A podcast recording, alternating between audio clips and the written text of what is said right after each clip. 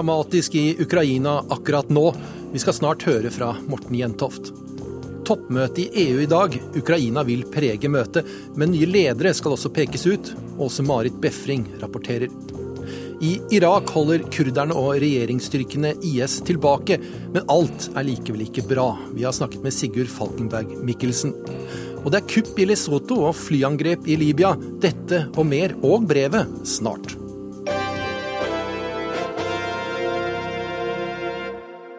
Og vi begynner denne verden på lørdag, der vi har begynt noen ganger før, i Ukraina. Akkurat nå er det dramatisk sørøst for den opprørskontrollerte byen Donetsk. Styrker fra den ukrainske hæren er omringet, og tapstallene skal være store.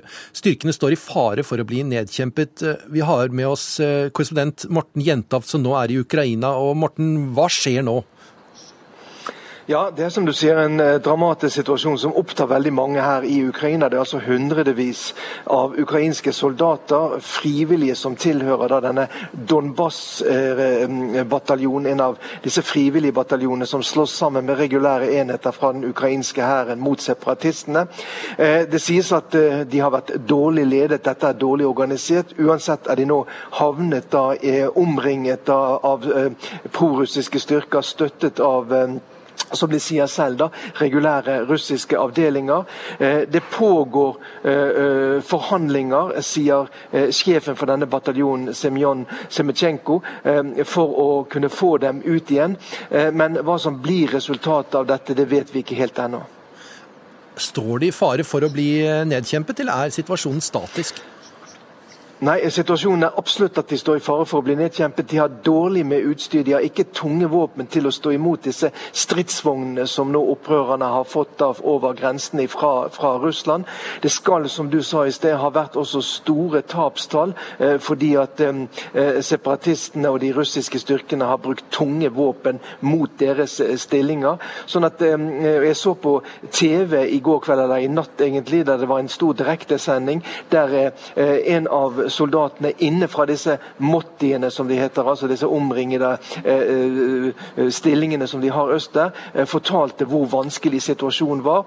Og folk på TV her da satt og gråt når de hørte hvor elendig det egentlig står til da med noen av avdelingene i den ukrainske hæren. Hvorfor har ikke disse styrkene tyngre utstyr, altså panservogner?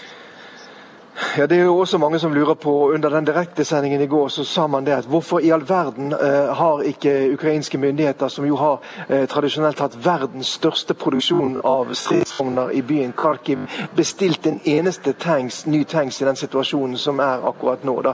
Men vi vet jo det at den ukrainske hæren den begynte egentlig denne eh, antiterroroperasjonen eh, med utgangspunkt i omtrent ingenting. Den ukrainske hæren var i en miserabel forfatning. Nå er det en voldsom mobilisering mobilisering her av folk. Det skorter ikke på moralen og viljen til å slåss mot de prorussiske og russiske styrkene øst i landet. Men når det gjelder utstyr og organisering, så er det fremdeles mye som mangler. og det er jo en av årsakene til de store tapstallene som ukrainerne har hatt i, i, i denne krigen. Du har uh, vært inne i uh, områdene rett ved fronten. Har du sett noe ukrainsk panser? Altså, Jeg har sett bl.a. blant annet i går da, eh, store kolonner da, med ukrainske styrker. og De har jo da lettere panservogner. Men vi har jo sett bilder av disse russiskvennlige separatistene med store, tunge, tradisjonelle eh, eh, sovjetiske eh, stridsvogner. Og den type stridsvogner har ikke jeg sett eh, inne i, i, i, i krigsområdet. Jeg ser på et eh, kart nå som har kommet fra de ukrainske myndigheter, at det er militær aktivitet langs Svartehavet også nå, rett øst for havnebyen eh, Mariupol. Eh, vet du hva som skjer der? Ja, Det som skjedde der, det var jo det at det var i, i dette området nær byen Novoazovsk at eh, prorussiske eh, styrker eh, kom over grensen og tok kontroll over denne viktige grensebyen, som da ligger bare en 30-40 km fra Mariupol, som er den nest største byen i eh, Donetsk fylke. Og I Mariupol har det jo vært eh, panikk for at eh, disse styrkene skal ta kontroll over byen. Man har gravd skyttergraver, sivile har vært med for å prøve å forsvare denne byen. Men mest trolig så eh, ønsker de prorussiske og russiske styrkene bare å legge et press da på eh, ukrainske myndigheter. De har opprettet en ny front for å lette det presset som ukrainske styrker har andre steder i eh, Donetsk og Luhansk. Der har jo eh, regjeringsstyrkene hatt framgang den siste tiden og eh, tatt kontroll over store områder. Faktisk tre fjerdedeler av disse fylkene er jo i dag kontrollert av ukrainske myndigheter. Takk til deg, Morten Jentoff, og takk for at du eh, rapporterer hjem til oss fra en så vanskelig situasjon. Og Vi skal nå høre en reportasje vår nye Moskva-korrespondent har sendt oss. For Morten Jentoft har vært på et tog i Ukraina og gjort noen observasjoner om hvordan det nå er å leve i landet. Det er seint fredagskveld, og jeg sitter på tog nummer 721 mellom Ukrainas to største byer, Kharkiv og Kiev. Toget er nesten fullt. Foran meg sitter en ung mor med sine to små barn, med bestemor som assistent når de små slår seg vrang. På den andre siden av gangen sitter en ung mann med hestehale og stor skinnveske. Kanskje han er en av mange ukrainere som jobber med data for et stort utenlandsfirma. Toget er helt nytt og går fort. De 550 km tilbakelegges på fire og en halv time. Nesten uhørt i et område av verden som ellers er beryktet for sine langsomme tog. Ute går solen ned over det endeløse ukrainske slettelandet. Over jorda som er blant de mest fruktbare i verden. Åkrene med mais og solsikke står fullmodne nå i slutten av august. Regnværet de siste dagene har sikkert bare gjort godt. Men det var sikkert ikke dette du lytter hadde ventet å høre om fra NRKs reportere i Ukraina akkurat nå. Og ja, det var spent og dramatisk inne i Donetsk fylke, som her utenfor hovedkvarteret til antiterroroperasjonen i Kramatorsk. Her ble jeg kjent med Julia Kirienko fra TV-kanal 112 Ukraina. En av mange unge ukrainske journalister som nå opererer her på østfronten. Mens vi sto og ventet på en orientering fra en av presseoffiserene som den ukrainske armeen har utnevnt, fortalte hun meg litt om hvordan det er å jobbe som krigskorrespondent her nå. Hun hadde bestemt seg for å gjøre det NRK etter nøye vurdering avslo, å være med på en tur til frontlinjen ved byen Garlovka lenger sør.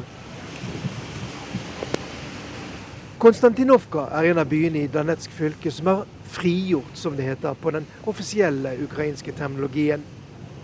I det kraftige regnværet som raste gjennom byen da jeg var der, var det ikke vanskelig å se de store plakatene i gult og blått, det ukrainske flaggets farger, som fortalte at byen takker den ukrainske armeen for at den er frigjort. Lignende plakater er satt opp i nabobyene Slavjansk og Kramatorsk. Tydelig er dette en samordnet kampanje, etter alt å dømme styrt utenfra.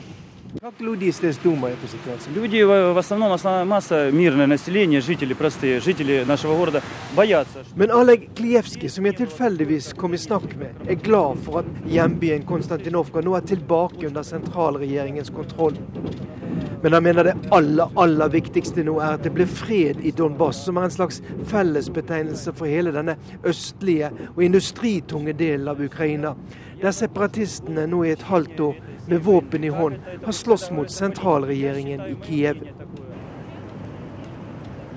Men jeg har hele tiden en følelse av at det murrer under rekken av gulblå flagg som blafrer friskt i vinden rundt den store plassen foran det ikke mindre imponerende rådhuset i Kramatorsk. Hvorfor kunne man ikke akseptere den folkeavstemningen som vi hadde her i mai om en selvstendig folkerepublikk? Danetsk, sier Natasja. Den var vel ikke mindre demokratisk enn det som skjedde i Nikiv i februar, da man avsatte den lovlig valgte presidenten Viktor Janukovitsj, sier hun, som ikke vil gi etternavnet sitt. Hun snakker nok på vegne av mange, mens hun haster videre bortover en allé pyntet i gulblå farger.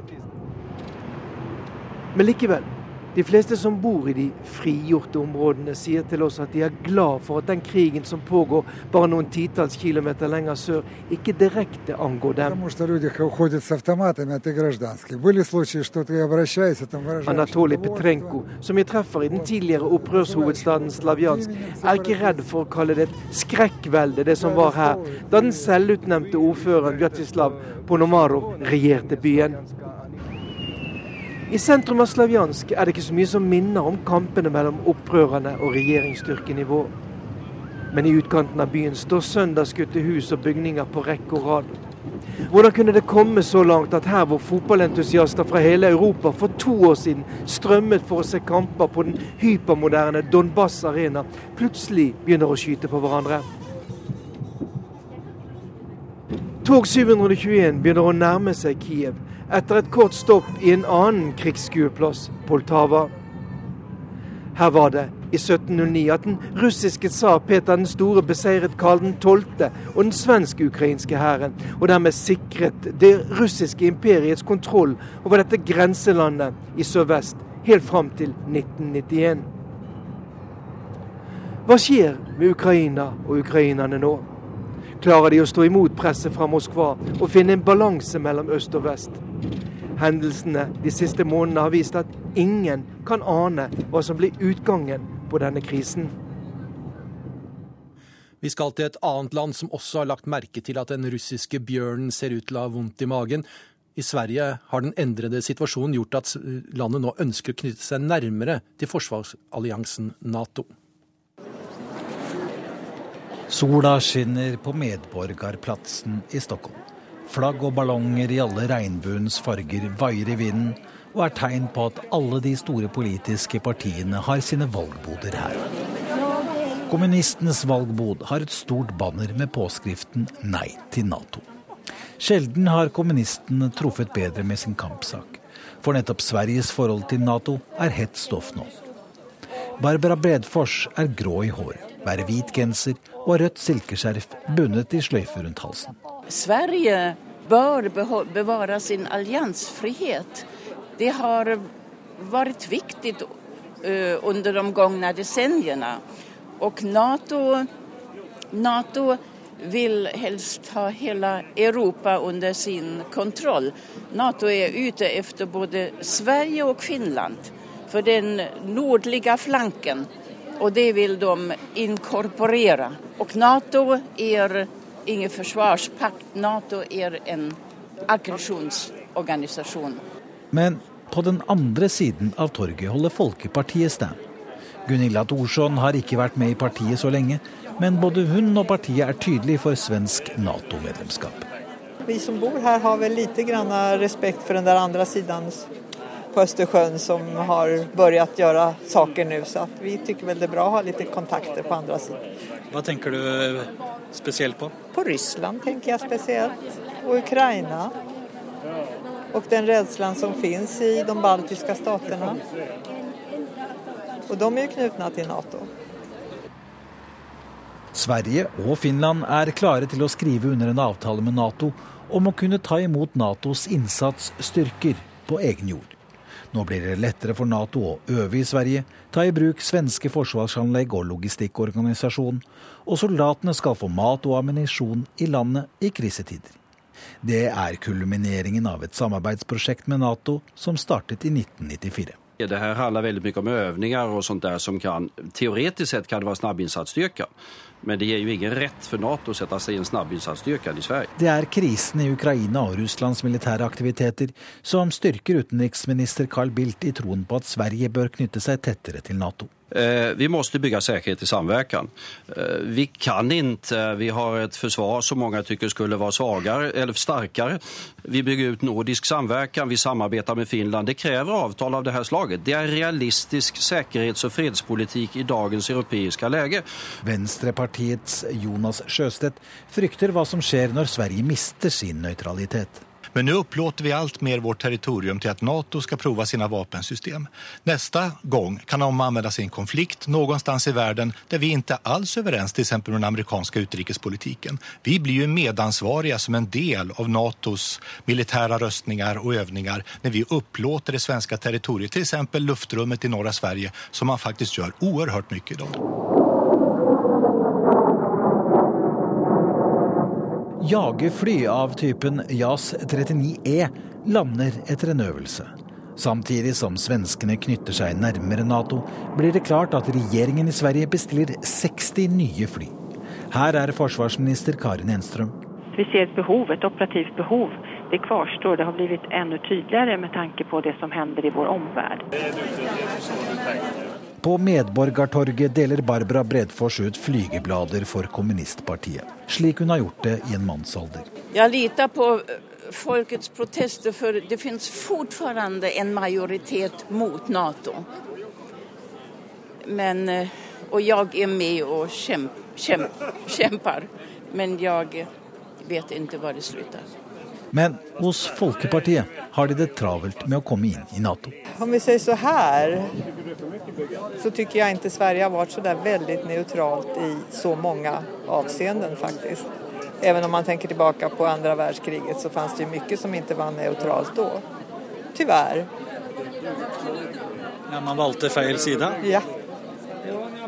Når man valgte å ikke ta imot vissa som hadde det veldig svårt og var utsatte. Hvilket vi forsøker å gjøre nå i stedet. Øyvind Nyborg, Stockholm.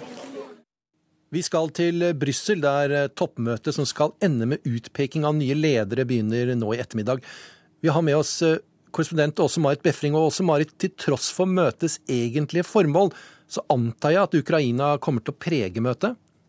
Ja, Det er ingen tvil om at Ukraina blir den store saken her i dag. Eh, Ukrainas president eh, Porosjenko han er her nå. Han har samtaler med EU-president van Rompuy. Eh, han kommer ikke til å delta på selve møtet, men van Rompuy er altså den som leder eh, toppmøtet med stats- og regjeringssjefene i de 28 medlemslandene. Eh, og Hans ønske er selvfølgelig at de nå strammer grepet ytterligere mot eh, Russland. Og Man lurer på om ikke EU kommer til å komme med sanksjoner her i dag, men det er fortsatt veldig usikkert. Ja, jeg har eh, lest melding om at det ikke kommer til å bli vedtatt eh, sanksjoner, bare at de kommer til å diskutere det. Er det sannsynlig? De kommer helt klart til å diskutere det. og eh, Nå har Angela Merkel vært ute denne uka og sagt at eh, eh, de handlingene man ser fra Russlands side nå, det som foregår i Ukraina nå fra Russlands side, det kan ikke pågå uten at det får konsekvenser. Og Da må de jo også forsøke å vise at det ligger handlinger bak denne fordømmelsen. Men nå har jo disse sanksjonene de innførte i juli smertet. Man har i EU nå innført ordninger slik at man får eh, dekket utgifter og ødelegger både frukt og grønnsaker i stor grad både i Spania og Italia. Slik at eh, det kan være vanskelig for eh, landene å stille seg bak ytterligere sanksjoner. Hva slags nye sanksjoner er det det har vært snakk om? De har altså ikke snakket uh, høyt om hva slags type sanksjoner de i så fall vil vurdere. Uh, det som virkelig ville smertet Russland, var om de hadde gått inn og sanksjonert mot energisektoren. Men i et kriserammet Europa så er det neppe noe de klarer å enes om. Så til eh, det møtet egentlig, egentlig skulle handle om nye ledere. Hva kan vi si om det? Ja, det er forventet at det blir den første saken. De er nødt til å få lederkabalen på plass. Nå har det gått på overtid. De skulle ha avklart dette her i, slutten av juni. Og Favoritten til å overta som utenrikssjef etter Ashton, det er den italienske utenriksministeren Federisa Mogherini. Eh, Polens utenriksminister eh, Sikorski er inne i bildet fortsatt.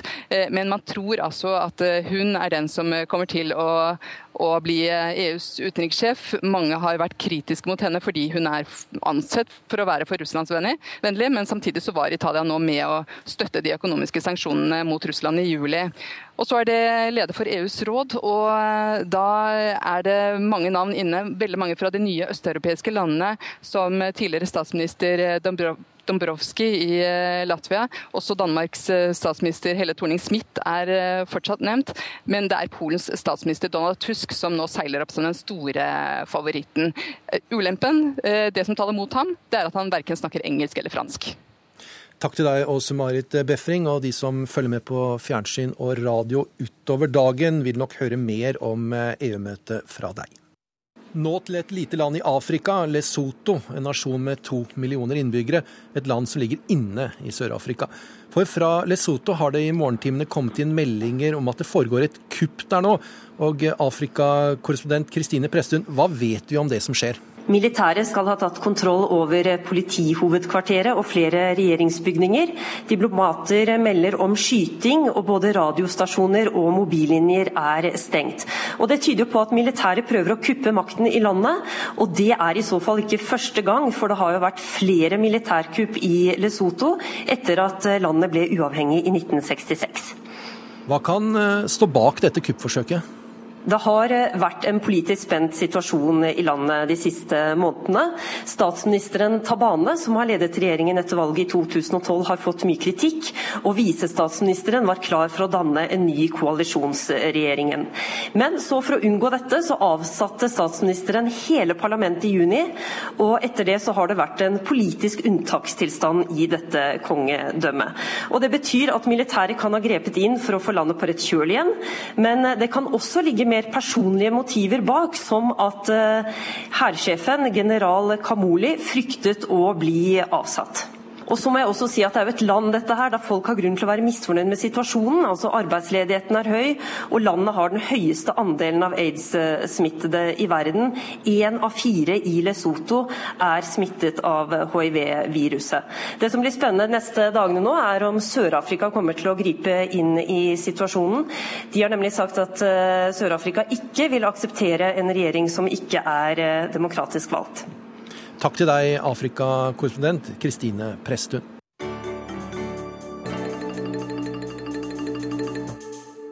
Nå til eh, Midtøsten. Vi skal snart høre fra Sigurd Falkenberg Mikkelsen, men vi tar med en melding som nettopp har eh, kommet inn. Filippinske soldater er nå i harde kamper med syriske opprørere ved Golanhøydene. Det er 70 filippinske FN-soldater som er omringet av syriske opprørere, og de forsøker å kjempe seg fri. Så til Irak og vår eh, korrespondent Sigurd Falkenberg Mikkelsen. For kort tid siden snakket jeg med han og spurte ham hvordan situasjonen er nå. Eh, her rundt eh, Bagdad så har frontlinjene stabilisert seg noe. Jeg anslå at de ligger en sånn fem-seks mil rundt hovedstaden. og Regjeringen har hatt en viss suksess med å bruke disse sjiamuslimske militsene i denne kampen. Men prisen er selvfølgelig da at eh, man eh, aksentuerer det religiøse aspektet ved denne konflikten, altså den shia-sunni-konflikten. Lenger nord så har kurderne ifølge kurdiske kilder gjort noe, noen nye framskritt, bl.a. rundt oljefeltene utenfor Mosul. Men situasjonen der er fortsatt labil. Eh, og Amerikanerne har jo nylig gjennomført nye angrep rundt Mosuldammen, eh, så det er ingenting der som er eh, vunnet en gang for alle. Er det på noen steder hvor styrkene fra IS fortsatt har fremgang i Irak? De, de, de klarer å holde posisjonene sine relativt godt, bl.a. i Fallujah, som de har holdt Eh, siden januar. Eh, og så skjer det ting i byene rundt eh, Bagdad, men det er sakte og det er uoversiktlig. Jeg snakket med etterretningen her i Bagdad og Irak nylig. Og De mente at de hadde stabilisert situasjonen rundt Bagdad-beltet. Men der tror jeg de fort kan dukke opp noen overraskelser. I hvert fall har de gjort det tidligere. Eh, men de var da først og fremst bekymret nå på kort sikt eh, ved bilbomber og selvmordsangrep inne i hovedstaden. Eh, men alle deres innbyggere er litt mer urolige. Jeg har snakket med litt forskjellige folk. og Noen tror, har ikke særlig tro på at myndighetene vil klare å holde det unna. Andre har mer tillit til myndighetsapparatet. Og i Syria, etter hva jeg forstår, så har IS fortsatt fremgang? Ja, det har de. Uh, der har de uh, Det store uh, gjennombruddet de hadde, var da de tok Tabaka flyplassen. Som har vært et av Assad-regimets sterkeste kort lenge i det området. Det var det siste de holdt i Raqqa-provinsen, så de kontrollerer nå hele Raqqa-provinsen. Men det var også en, en, flybase som de hadde satt store styrker inn på å holde. og Det har også kommet rapporter om grusomme overgrep i etterkant mot regimesoldatene. Sånn Der er situasjonen mye mer skiftende. Og denne flybasen er jo også siste, og den siste store basen før Hama, den tredje eller fjerde største byen i Syria. sånn at Assad-regimet virker noe mer sårbart nå enn det gjorde for noen måneder siden. Det kommer nå rapporter fra Irak om at sunnimuslimer skal kjempe mot styrker fra IS i Irak. Stemmer det?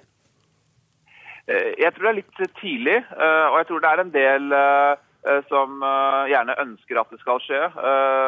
Fordi det var jo slik det dette, noe av en lignende konflikt ble løst i 2006-2007, hvor de klarte å få på plass en allianse av sunni-arabiske stammer som slåss mot uh, det som da het den islamske staten i Irak, eller Al Qaida i Irak. og De hadde stor suksess med dette, men dette opplegget ødela statsminister Noran Malik i etterkant ved å ikke klare å integrere disse militsene i den nye irakiske regjeringen. og Det er noe av grunnen til at vi er i den situasjonen Eh, vi er nå. Eh, men jeg tror, jeg tror, at det er litt tidlig eh, å, gå, at, å spekulere i de retningene, fordi IS har et ganske tydelig grep om ting. Og misnøyen også mot Maliki-regimet, selv om det holder på å gå an og det holder på å bli et statsministerskifte, er såpass sterk på sunnimuslimsk side. Sånn at jeg tror nok det må gjøres mer arbeid der før, før man, man kan se store endringer i disse områdene. Ja, Du sa det selv at al-Maliki skal eh, nå pakke sin koffert og gå snart. Vil det gjøre at den politiske situasjonen blir så mye, mye bedre? Jeg er litt usikker på om han kommer til å pakke kofferten eh, og gå. Eh, jeg har en følelse av at han kommer til å fortsatt spille en, en rolle i kulissene her. Og han er jo fortsatt statsminister. Han har hatt 30 dager på seg til han i den mellom, en overgangsperioden. Uh, og Han holdt en tale nylig her som han har gjort uh, hver eneste uke, så han er fortsatt uh, statsminister. Og Haider al-Abadi, som er utpekt som ny statsminister, holder fortsatt på å danne ny regjering. Det arbeidet går framover, men det er vanskelig. og uansett så er det krefter i spill her som er mer eller mindre uavhengig av det politiske spillet. Så hvilke manøvreringsmuligheter han egentlig har, det gjenstår å se. Og det andre er at alle jeg snakker med fra irakisk eh, side, eller altså fra uh, folk i Bagdad, har jo mistet all tro på politikerne sine. De ser på de som uh, korrupte og, og, til dels udugelige, og frykter at dette uansett blir en lang konflikt. Takk til deg, Sigurd Falkenberg Mikkelsen, og tusen takk for at du rapporterer tilbake til oss fra Bagdad.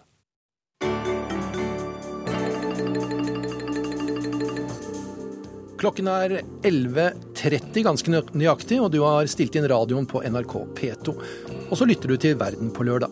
Følger du med videre, så får du høre om de forferdelige overgrepene i Storbritannia. Gry Blekastad Almås har sett nærmere på hva som har skjedd. Vi skal høre om den dramatiske utviklingen i Libya de siste månedene. Og vi får brevet fra Åse Marit Befring. Og i brevet skriver hun bl.a. om Jens Stoltenberg og Nato.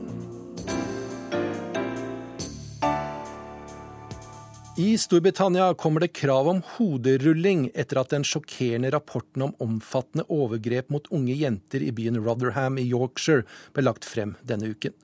Men grusomheten i Rotherham er verken nye eller unike i britisk sammenheng, forteller Gry Blekastad Almås.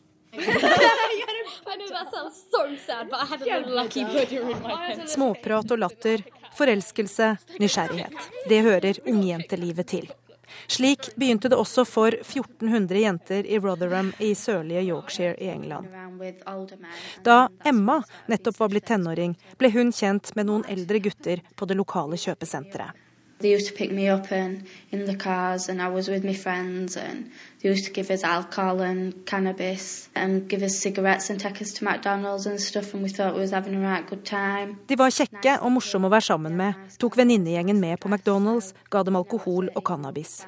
De 13-årige jentene lot seg imponere. You know, at 13 you would be quite impressed by that. I radiodokumentaren fra 2011 forteller Emma til BBC om hvordan forholdet til gjenglederen utviklet seg til et mareritt. I over to år ble hun voldtatt ukentlig av til sammen over 100 menn. No one ever made out that it wasn't normal. So was this happening to your friends as well? Um, I think so, yeah. Because they started, what they then started to do is isolate us from each other. So really all you've got is these men. Det skjedde med Emma og med vennene hennes. Til sammen 1400 unge og sårbare jenter i Rotherham ble seksuelt misbrukt på denne måten fra 1997 til i fjor, viser en rapport som ble lagt fram denne uka. Men dette er ikke unikt for Rotherham. I knew that she was being exploited and trafficked. I didn't know there was a gang behind it. Da denne moren fortalte om misbruket av datteren sin i Oxford i fjor høst, var nettopp sju Oxford-menn dømt til til sammen 95 år i fengsel for å ha voldtatt og solgt jenter ned til 11 år videre til andre for at de kunne misbruke dem.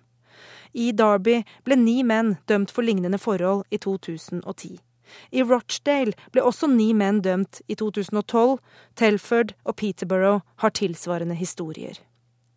Hvorfor ble ikke gjengene og misbruket stanset? En av forklaringene ligger i politiets holdning til det som foregikk, mener moren fra Oxford. They saw her as a naughty girl who was out of out of control. She had had a very troubled background. I adopted her when she was 11.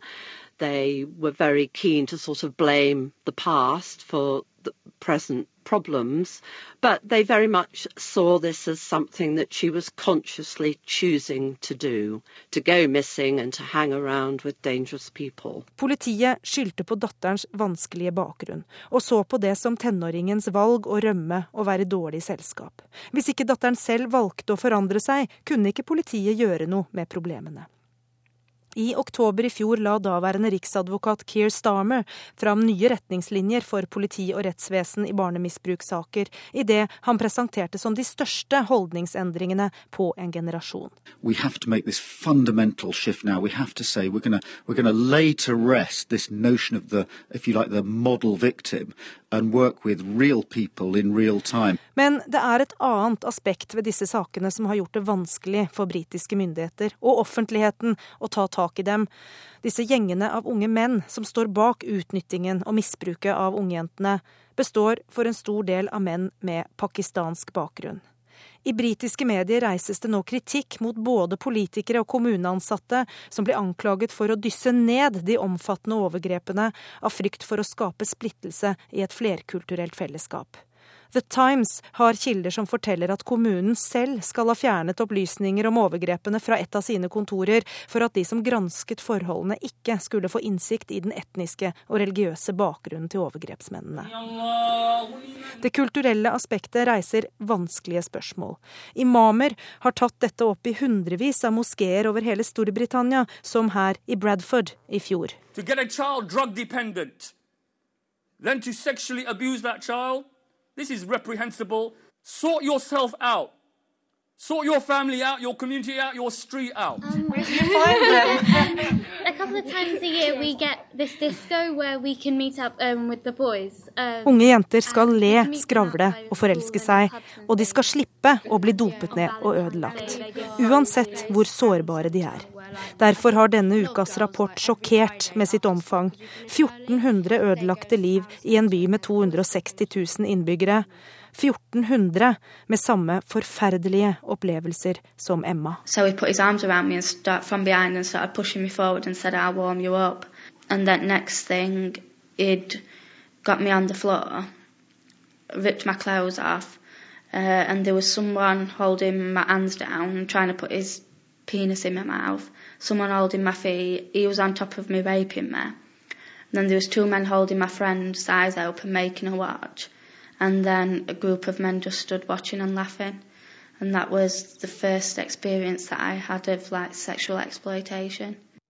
Ja, Emma ble kastet på gulvet og holdt nede mens noen voldtok henne. Andre menn tvang venninnene til å se på, mens andre igjen så på og lo. Slik var hennes første seksuelle opplevelse fortalt til BBC. Reportasjen var laget av Gry Blekastad Almås. I Libya har sikkerhetssituasjonen gått fra ille til skikkelig dårlig denne uken. Opprørere truer hovedstaden Tripoli. Inn i dette kaoset kommer det bombefly som angriper opprøreren, men hvem som bomber, er det strid om. They say they captured the main airport from a rival militia that hails from Zintan in western Libya.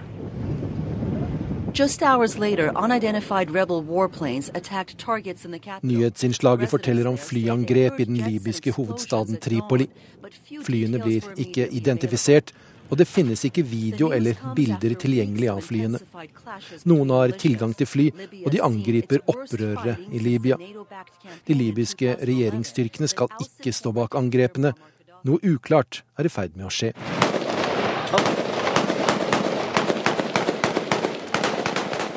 Samtidig raser det harde kamper ved byene Benghazi og Tripoli. Opprørere mot regjeringsstyrker. Opprørerne er islamister. De aksepterer ikke myndigheten til regjeringen i Tripoli. Kampene er de mest intensive i landet siden diktatoren Muhammar Gaddafi ble styrtet i 2011. Regjeringsstyrken har vanskeligheter med å holde stand, og det ser ut til at de får hjelp fra utlandet. Men hvem? We do believe there were airstrikes uh, undertaken in recent days by the UAE uh, and Egypt inside. Uh, Pentagon-talsmann admiral John Kirby er klar i sin tale. Det er De forente arabiske emirater og Egypt som står bak angrepene. Da han sier det, kommer det ikke som et granatnedslag. I flere dager har spekulasjonene gått på akkurat det. Fly fra Emiratene, flere tusen kilometer unna, for landene å gjøre seg klare på baser i Egypt. Egypt avviser det hele, men kanskje ikke absolutt alt.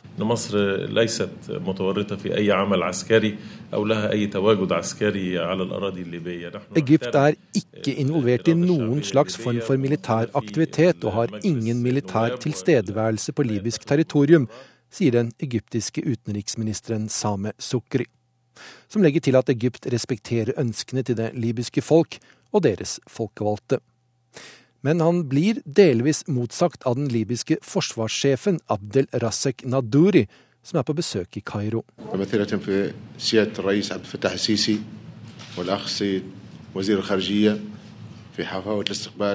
President Sisi har fortalt oss at han vil stå bak det libyske forsvaret, med trening og ubegrenset støtte, sier Naduri. Og konkretiserer det med å si at det dreier seg om opplæring og teknisk støtte. Og etter at både libyerne og egypterne har uttalt seg, så trekker amerikanerne seg litt tilbake. Den nye uttalelsen er at Egypt og Emiratene skal, ifølge meldinger, ha stått bak angrepene. Emiratene sier ikke noen ting, og senere kommer den egyptiske utenriksministeren med konklusjonene etter at Libyas nabostater har hatt et møte om utfordringene i landet.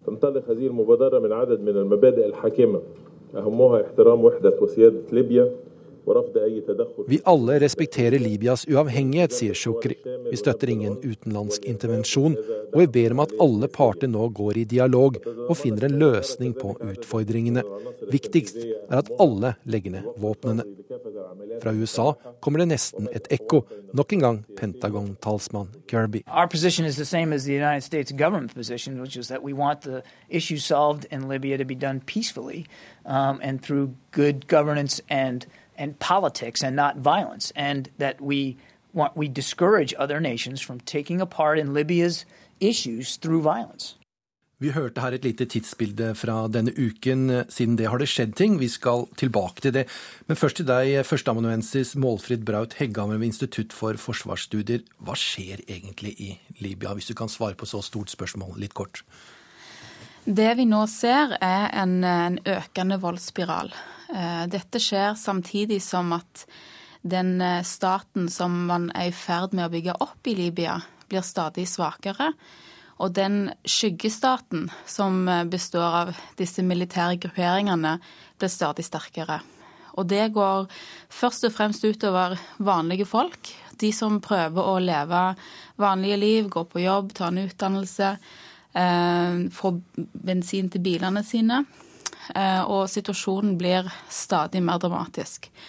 Vi ser også at de aktørene i Vesten som støtta opp om denne revolusjonen i 2011, nå har trukket seg ut midlertidig, sier de, og at libyere føler seg stadig mer isolert i denne vanskelige situasjonen.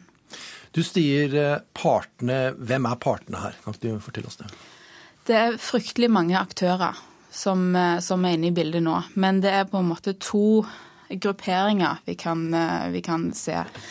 Den ene består av disse militære grupperingene som har vært med siden revolusjonens dager. De har fått uh, mer eller mindre i oppdrag å opprettholde lov og orden og sikkerhet. Uh, de har ikke en sentral eh, eh, et politistyrke, militærvesen, som kan ta den jobben. Og Derfor så har disse gruppene fått muligheten til å bli stadig sterkere og påvirke politiske prosesser mer og mer direkte gjennom kidnappinger og nekte statsministeren å reise til ulike byer osv. Det er den ene siden. Den andre siden er representert av en general Eh, Khalifa Hifter, som eh, nå ønsker å slå ned på det som han kaller islamister. Som egentlig er en mye større og mer variert gruppe enn han antyder. Det omfatter også moderate elementer som vil være med og Altså folkevalgte som ønsker å være med og forme Libyas politiske fremtid. Så disse to aktørene er nå med på å skape en, en dypere konflikt som, eh, som mobiliserer de som ikke tidligere har vært så direkte engasjert i denne her konflikten i Libya. Det ble opprettet et skyggekabinett. altså en, De sa at ja, vi er regjering. Glem dere som sier at det er regjering. Vi er regjeringen. Hva, var det for noe? Ehm, det har vært eh, mye uenighet eh, knytta til eh, den nye folkevalgte forsamlingen. Og det hjalp jo ikke når, når denne generalen mer eller mindre sa at han ønska ikke islamister med i denne forsamlingen og flytte eh, denne, denne, altså hele forsamlingen til en by som han kontrollerer. Eh, det gjorde at mange som var med i første runden, i den første folkevalgte forsamlinga, sa at nå ønsker ikke vi å være med, dette her kan vi ikke være med på. Og noen av disse erklærte for noen dager siden at de ønsker å etablere en alternativ Eh, forsamling. Så det, det er med på å ytterligere fragmentere denne skjøre staten som knapt har fått mulighet til å vokse fram. Og det nye som jeg lovte, det som har skjedd siden dette tidsbildet ble lagd, er at eh, regjeringen som nå sitter i Tobruk, har eh, trukket seg. Hva innebærer det? Nei, Det er jo med på å forsterke denne tendensen med at staten, det man kan kalle staten i Libya, den blir bare svakere og svakere.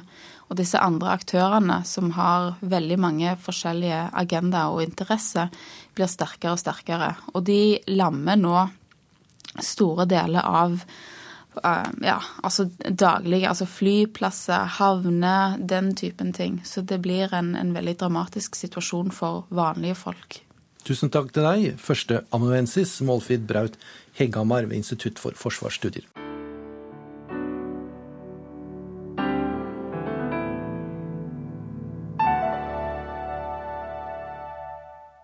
Og nå til Mexico, for det en gang så stabile landet har utviklet seg til å bli et av verdens farligste.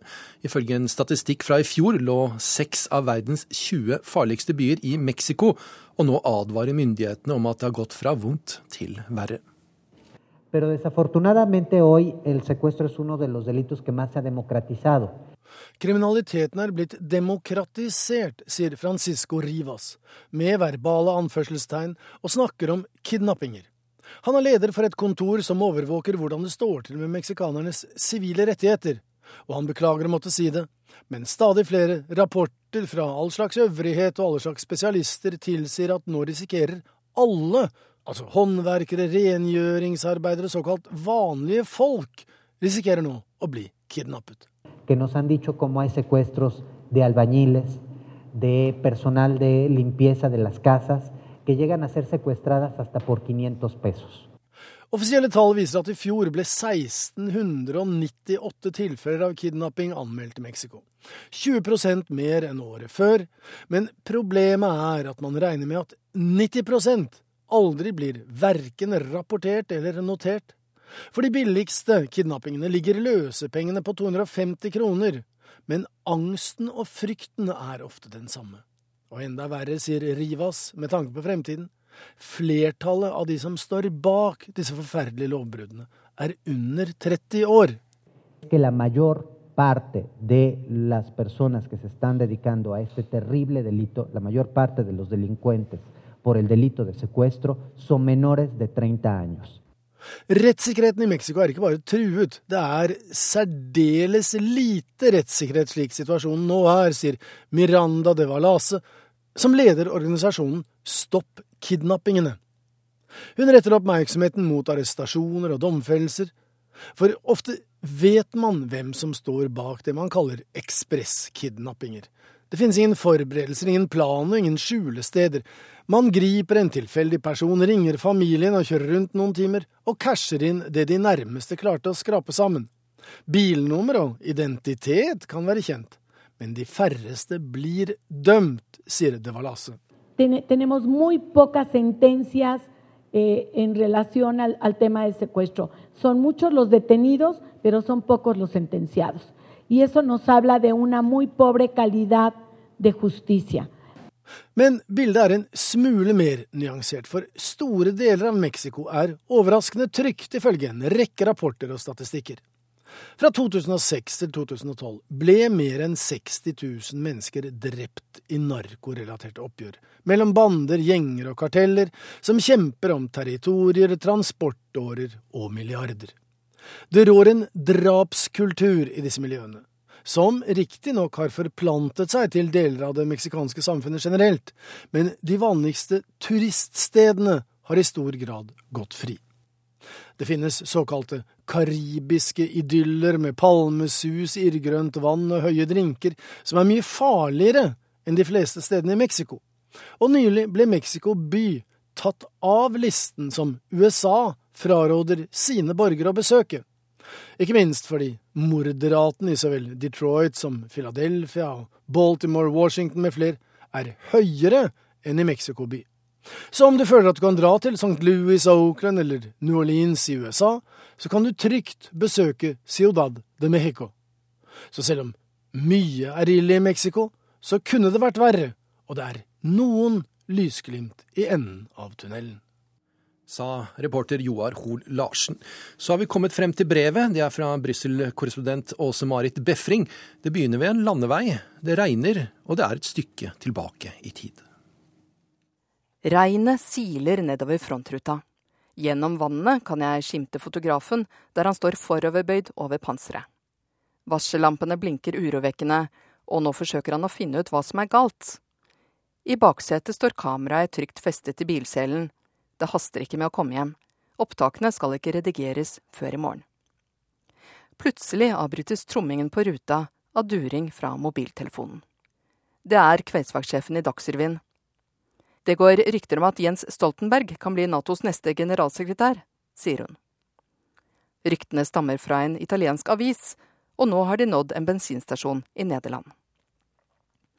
Ingen snakket om Nato da jeg for ett år siden overtok jobben som europakorrespondent her i Brussel. Etterdønningene av eurokrisen skyllet fortsatt over kontinentet. Skyhøy arbeidsledighet, voksende gjeld og nasjonalisme på fremmarsj var trusselbildet, og la andre saker i skyggen. EU-landene hadde også vært med på å gjøre Nato mindre betydningsfull ved å strupe forsvarsbudsjettene. I valget mellom skole og våpen, helse eller forsvarsstyrker hadde det vært enkelt. Bare USA kritiserte medlemsstatene for ikke å være med og dele byrdene men generalsekretær Anders Fogh Rasmussen talte for døve ører da han forsøkte å viderebringe budskapet og overtale regjeringssjefene med slunkne statskasser om å bruke mer på forsvar. Jeg hørte ham selv en av de første dagene jeg var her. Det var i august, og EUs hovedstad var i feriemodus. Men i Natos USA-dominerte høyborg var aktiviteten stor. Fogh Rasmussen innkalte til pressekonferanse midt i EUs hjerte, på Schumann, der EU-bygningene konkurrerer om plassen. I raskt tempo entret han podiet. Seansen var kort. Han gjentok at nå måtte medlemmene være sitt ansvar bevisst. Dessuten var Smart Defence den eneste bærbare veien for et effektivt Nato, dvs. Si å samarbeide om innkjøp og bruk av våpen.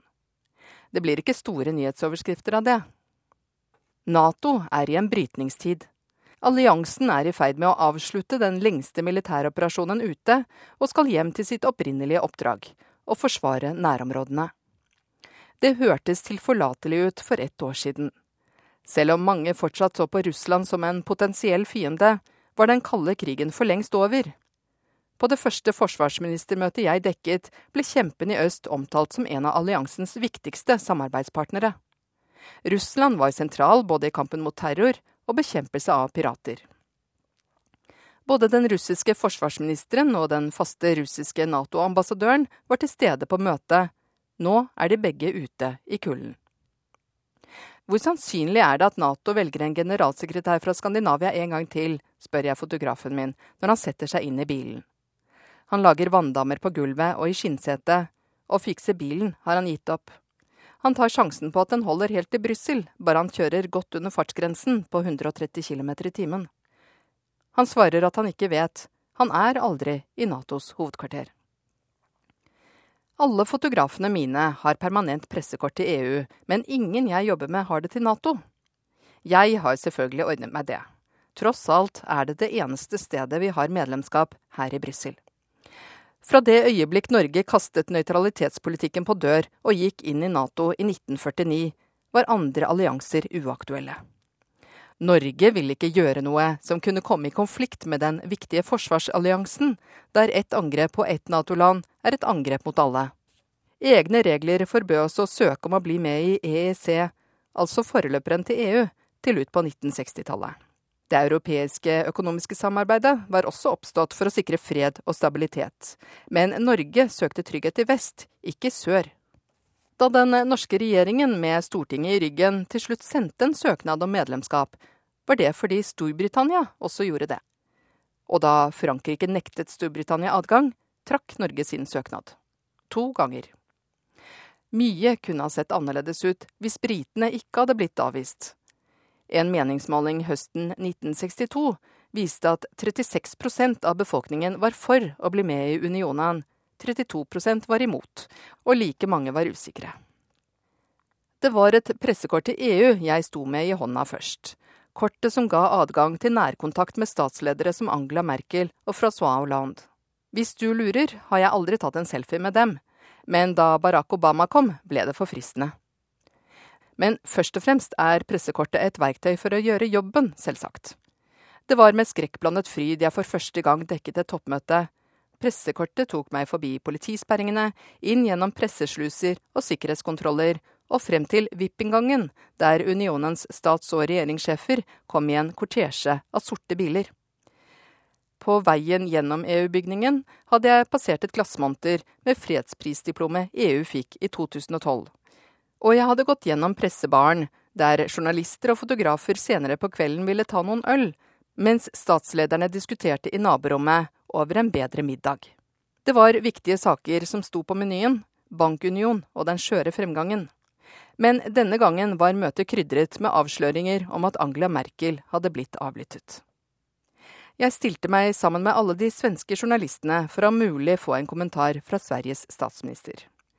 Men en av de første som skred ut på den røde løperen, var de Morte, hovedpersonen selv. Angela Merkel gikk erfarent bort til horden av journalister, kameraer og mikrofonbommer. Man spionerer ikke på venner, sa hun tydelig opprørt. Det var som om vinner fra den kalde krigen hadde spilt dem et puss. For denne gang sto en alliert bak avlyttingen. På neste toppmøte følte jeg meg nesten som en erfaren EU-reporter der jeg manøvrerte meg inn i rådsbygningen. Ikke bare hadde jeg fått reservert plass i god tid. Sammen med de to andre norske korrespondentene som holder til her i Brussel, satt vi nederst på et langbord, der svenskene opptok resten av de rundt 30 plassene. Men jeg hadde også fått vite at baren med påsmurte smørbrød ikke var eneste spisested. Matlandet Belgia hadde selvfølgelig en gourmetrestaurant for oss journalister og ansatte, der du kunne fråtse i vegetarretter, kjøtt, fisk og salater. To etasjer opp kunne du etterpå nyte en espresso med belgisk sjokolade til, hvis du fikk tid. For første gang på sju år skulle topplederne snakke om EUs militære rolle. Til enhver tid har de to styrker stående, men de har aldri blitt brukt fordi medlemslandene ikke har blitt enige om hva de skal brukes til. Men møteplanen var lagt før Ukraina trakk seg fra å skrive under samarbeidsavtalen med EU, og Kievs gater ble satt i brann. Det ble i stedet et krisemøte på trusselen i øst, og flere slike møter var i vente. Da Vladimir Putin kom til Brussel en måned senere for å delta på et toppmøte som i utgangspunktet skulle vare i to dager, men som nå var skrumpet inn til tre timer, var det bare vorspielet. Bak gjentrukne gardiner sitter vi foran skjermene i et lydisolert rom. Jeg er på den tredje kaffekoppen. Kjøreturen ble lang. Sakte tar reportasjen fra Nederland form. Mest tid går med til telefoner og samtaler om Jens Stoltenberg. Geografi veier tungt i valget av generalsekretær, sier en. Ikke legg for mye vekt på ryktene, råder en annen. Men samtidig er det ingen klare regler for hvordan en toppsjef i Nato velges. Redigereren må avslutte reportasjen uten meg. Jeg må rekke et direktepunkt i Dagsrevyen. Pressekortet til Nato fikk jeg omtrent samtidig med at Angela Merkel henvendte seg til Jens Stoltenberg i hemmelighet for å høre om han var ledig for nye oppdrag. Fotografen min stilte seg i køen for å få dagskort, mens jeg krysset rundkjøringen foran kompassrosen som symboliserer Nato, for å ta av plass ved hovedinngangen. En fersk norsk forsvarsminister skulle delta på ministermøtet. Hun kalte møtet med russerne konstruktive. Det var et ønske fra begge parter om hyppigere møter, sa hun. Vel, da forsvarsministrene møttes igjen i februar, så verden annerledes ut. Krim var ennå ikke annektert, men dagen møtet skulle være, gikk det rykter om at russerne hadde sendt tropper mot den ukrainske grensen. Jeg spurte Nato-sjefen om hva han tenkte om disse ryktene. Det har jeg ikke hørt noe om, men hvis det stemmer er det dramatisk, svarte han spontant. Mine russiske kolleger sa dagen etter at det hadde gjort Russlands utenriksminister Sergej Lavrov rasende at Fogg Rasmussen kunne kommentere på et så idiotisk spørsmål. En måned senere står jeg på en plass i sentrum av Roma. Telefonen ringer. Det er Dagsnytt-desken. Nyheten er ute, er beskjeden. Jeg løper mot en drosje, og en forståelsesfull sjåfør tråkker gassen i bånn. På flyplassen er innsjekkingen stengt, men italieneren bak skranken er grei. I Dagsrevyen går vi direkte utenfor Natos hovedkvarter i Brussel. For første gang i forsvarsalliansens 65 år lange historie er en kommende generalsekretær norsk, og han heter Jens Stoltenberg. Åse Marit Befring der. Brevet hennes kan du også lese på nrk.no. Verden på lørdag er med dette over. Om noen korte minutter kommer Kurer her på NRK P2. Nå takker teknisk ansvarlig Karl Johan Rimstad og skript Lars Christian Rød samt i studio Halvard Sandberg for følget.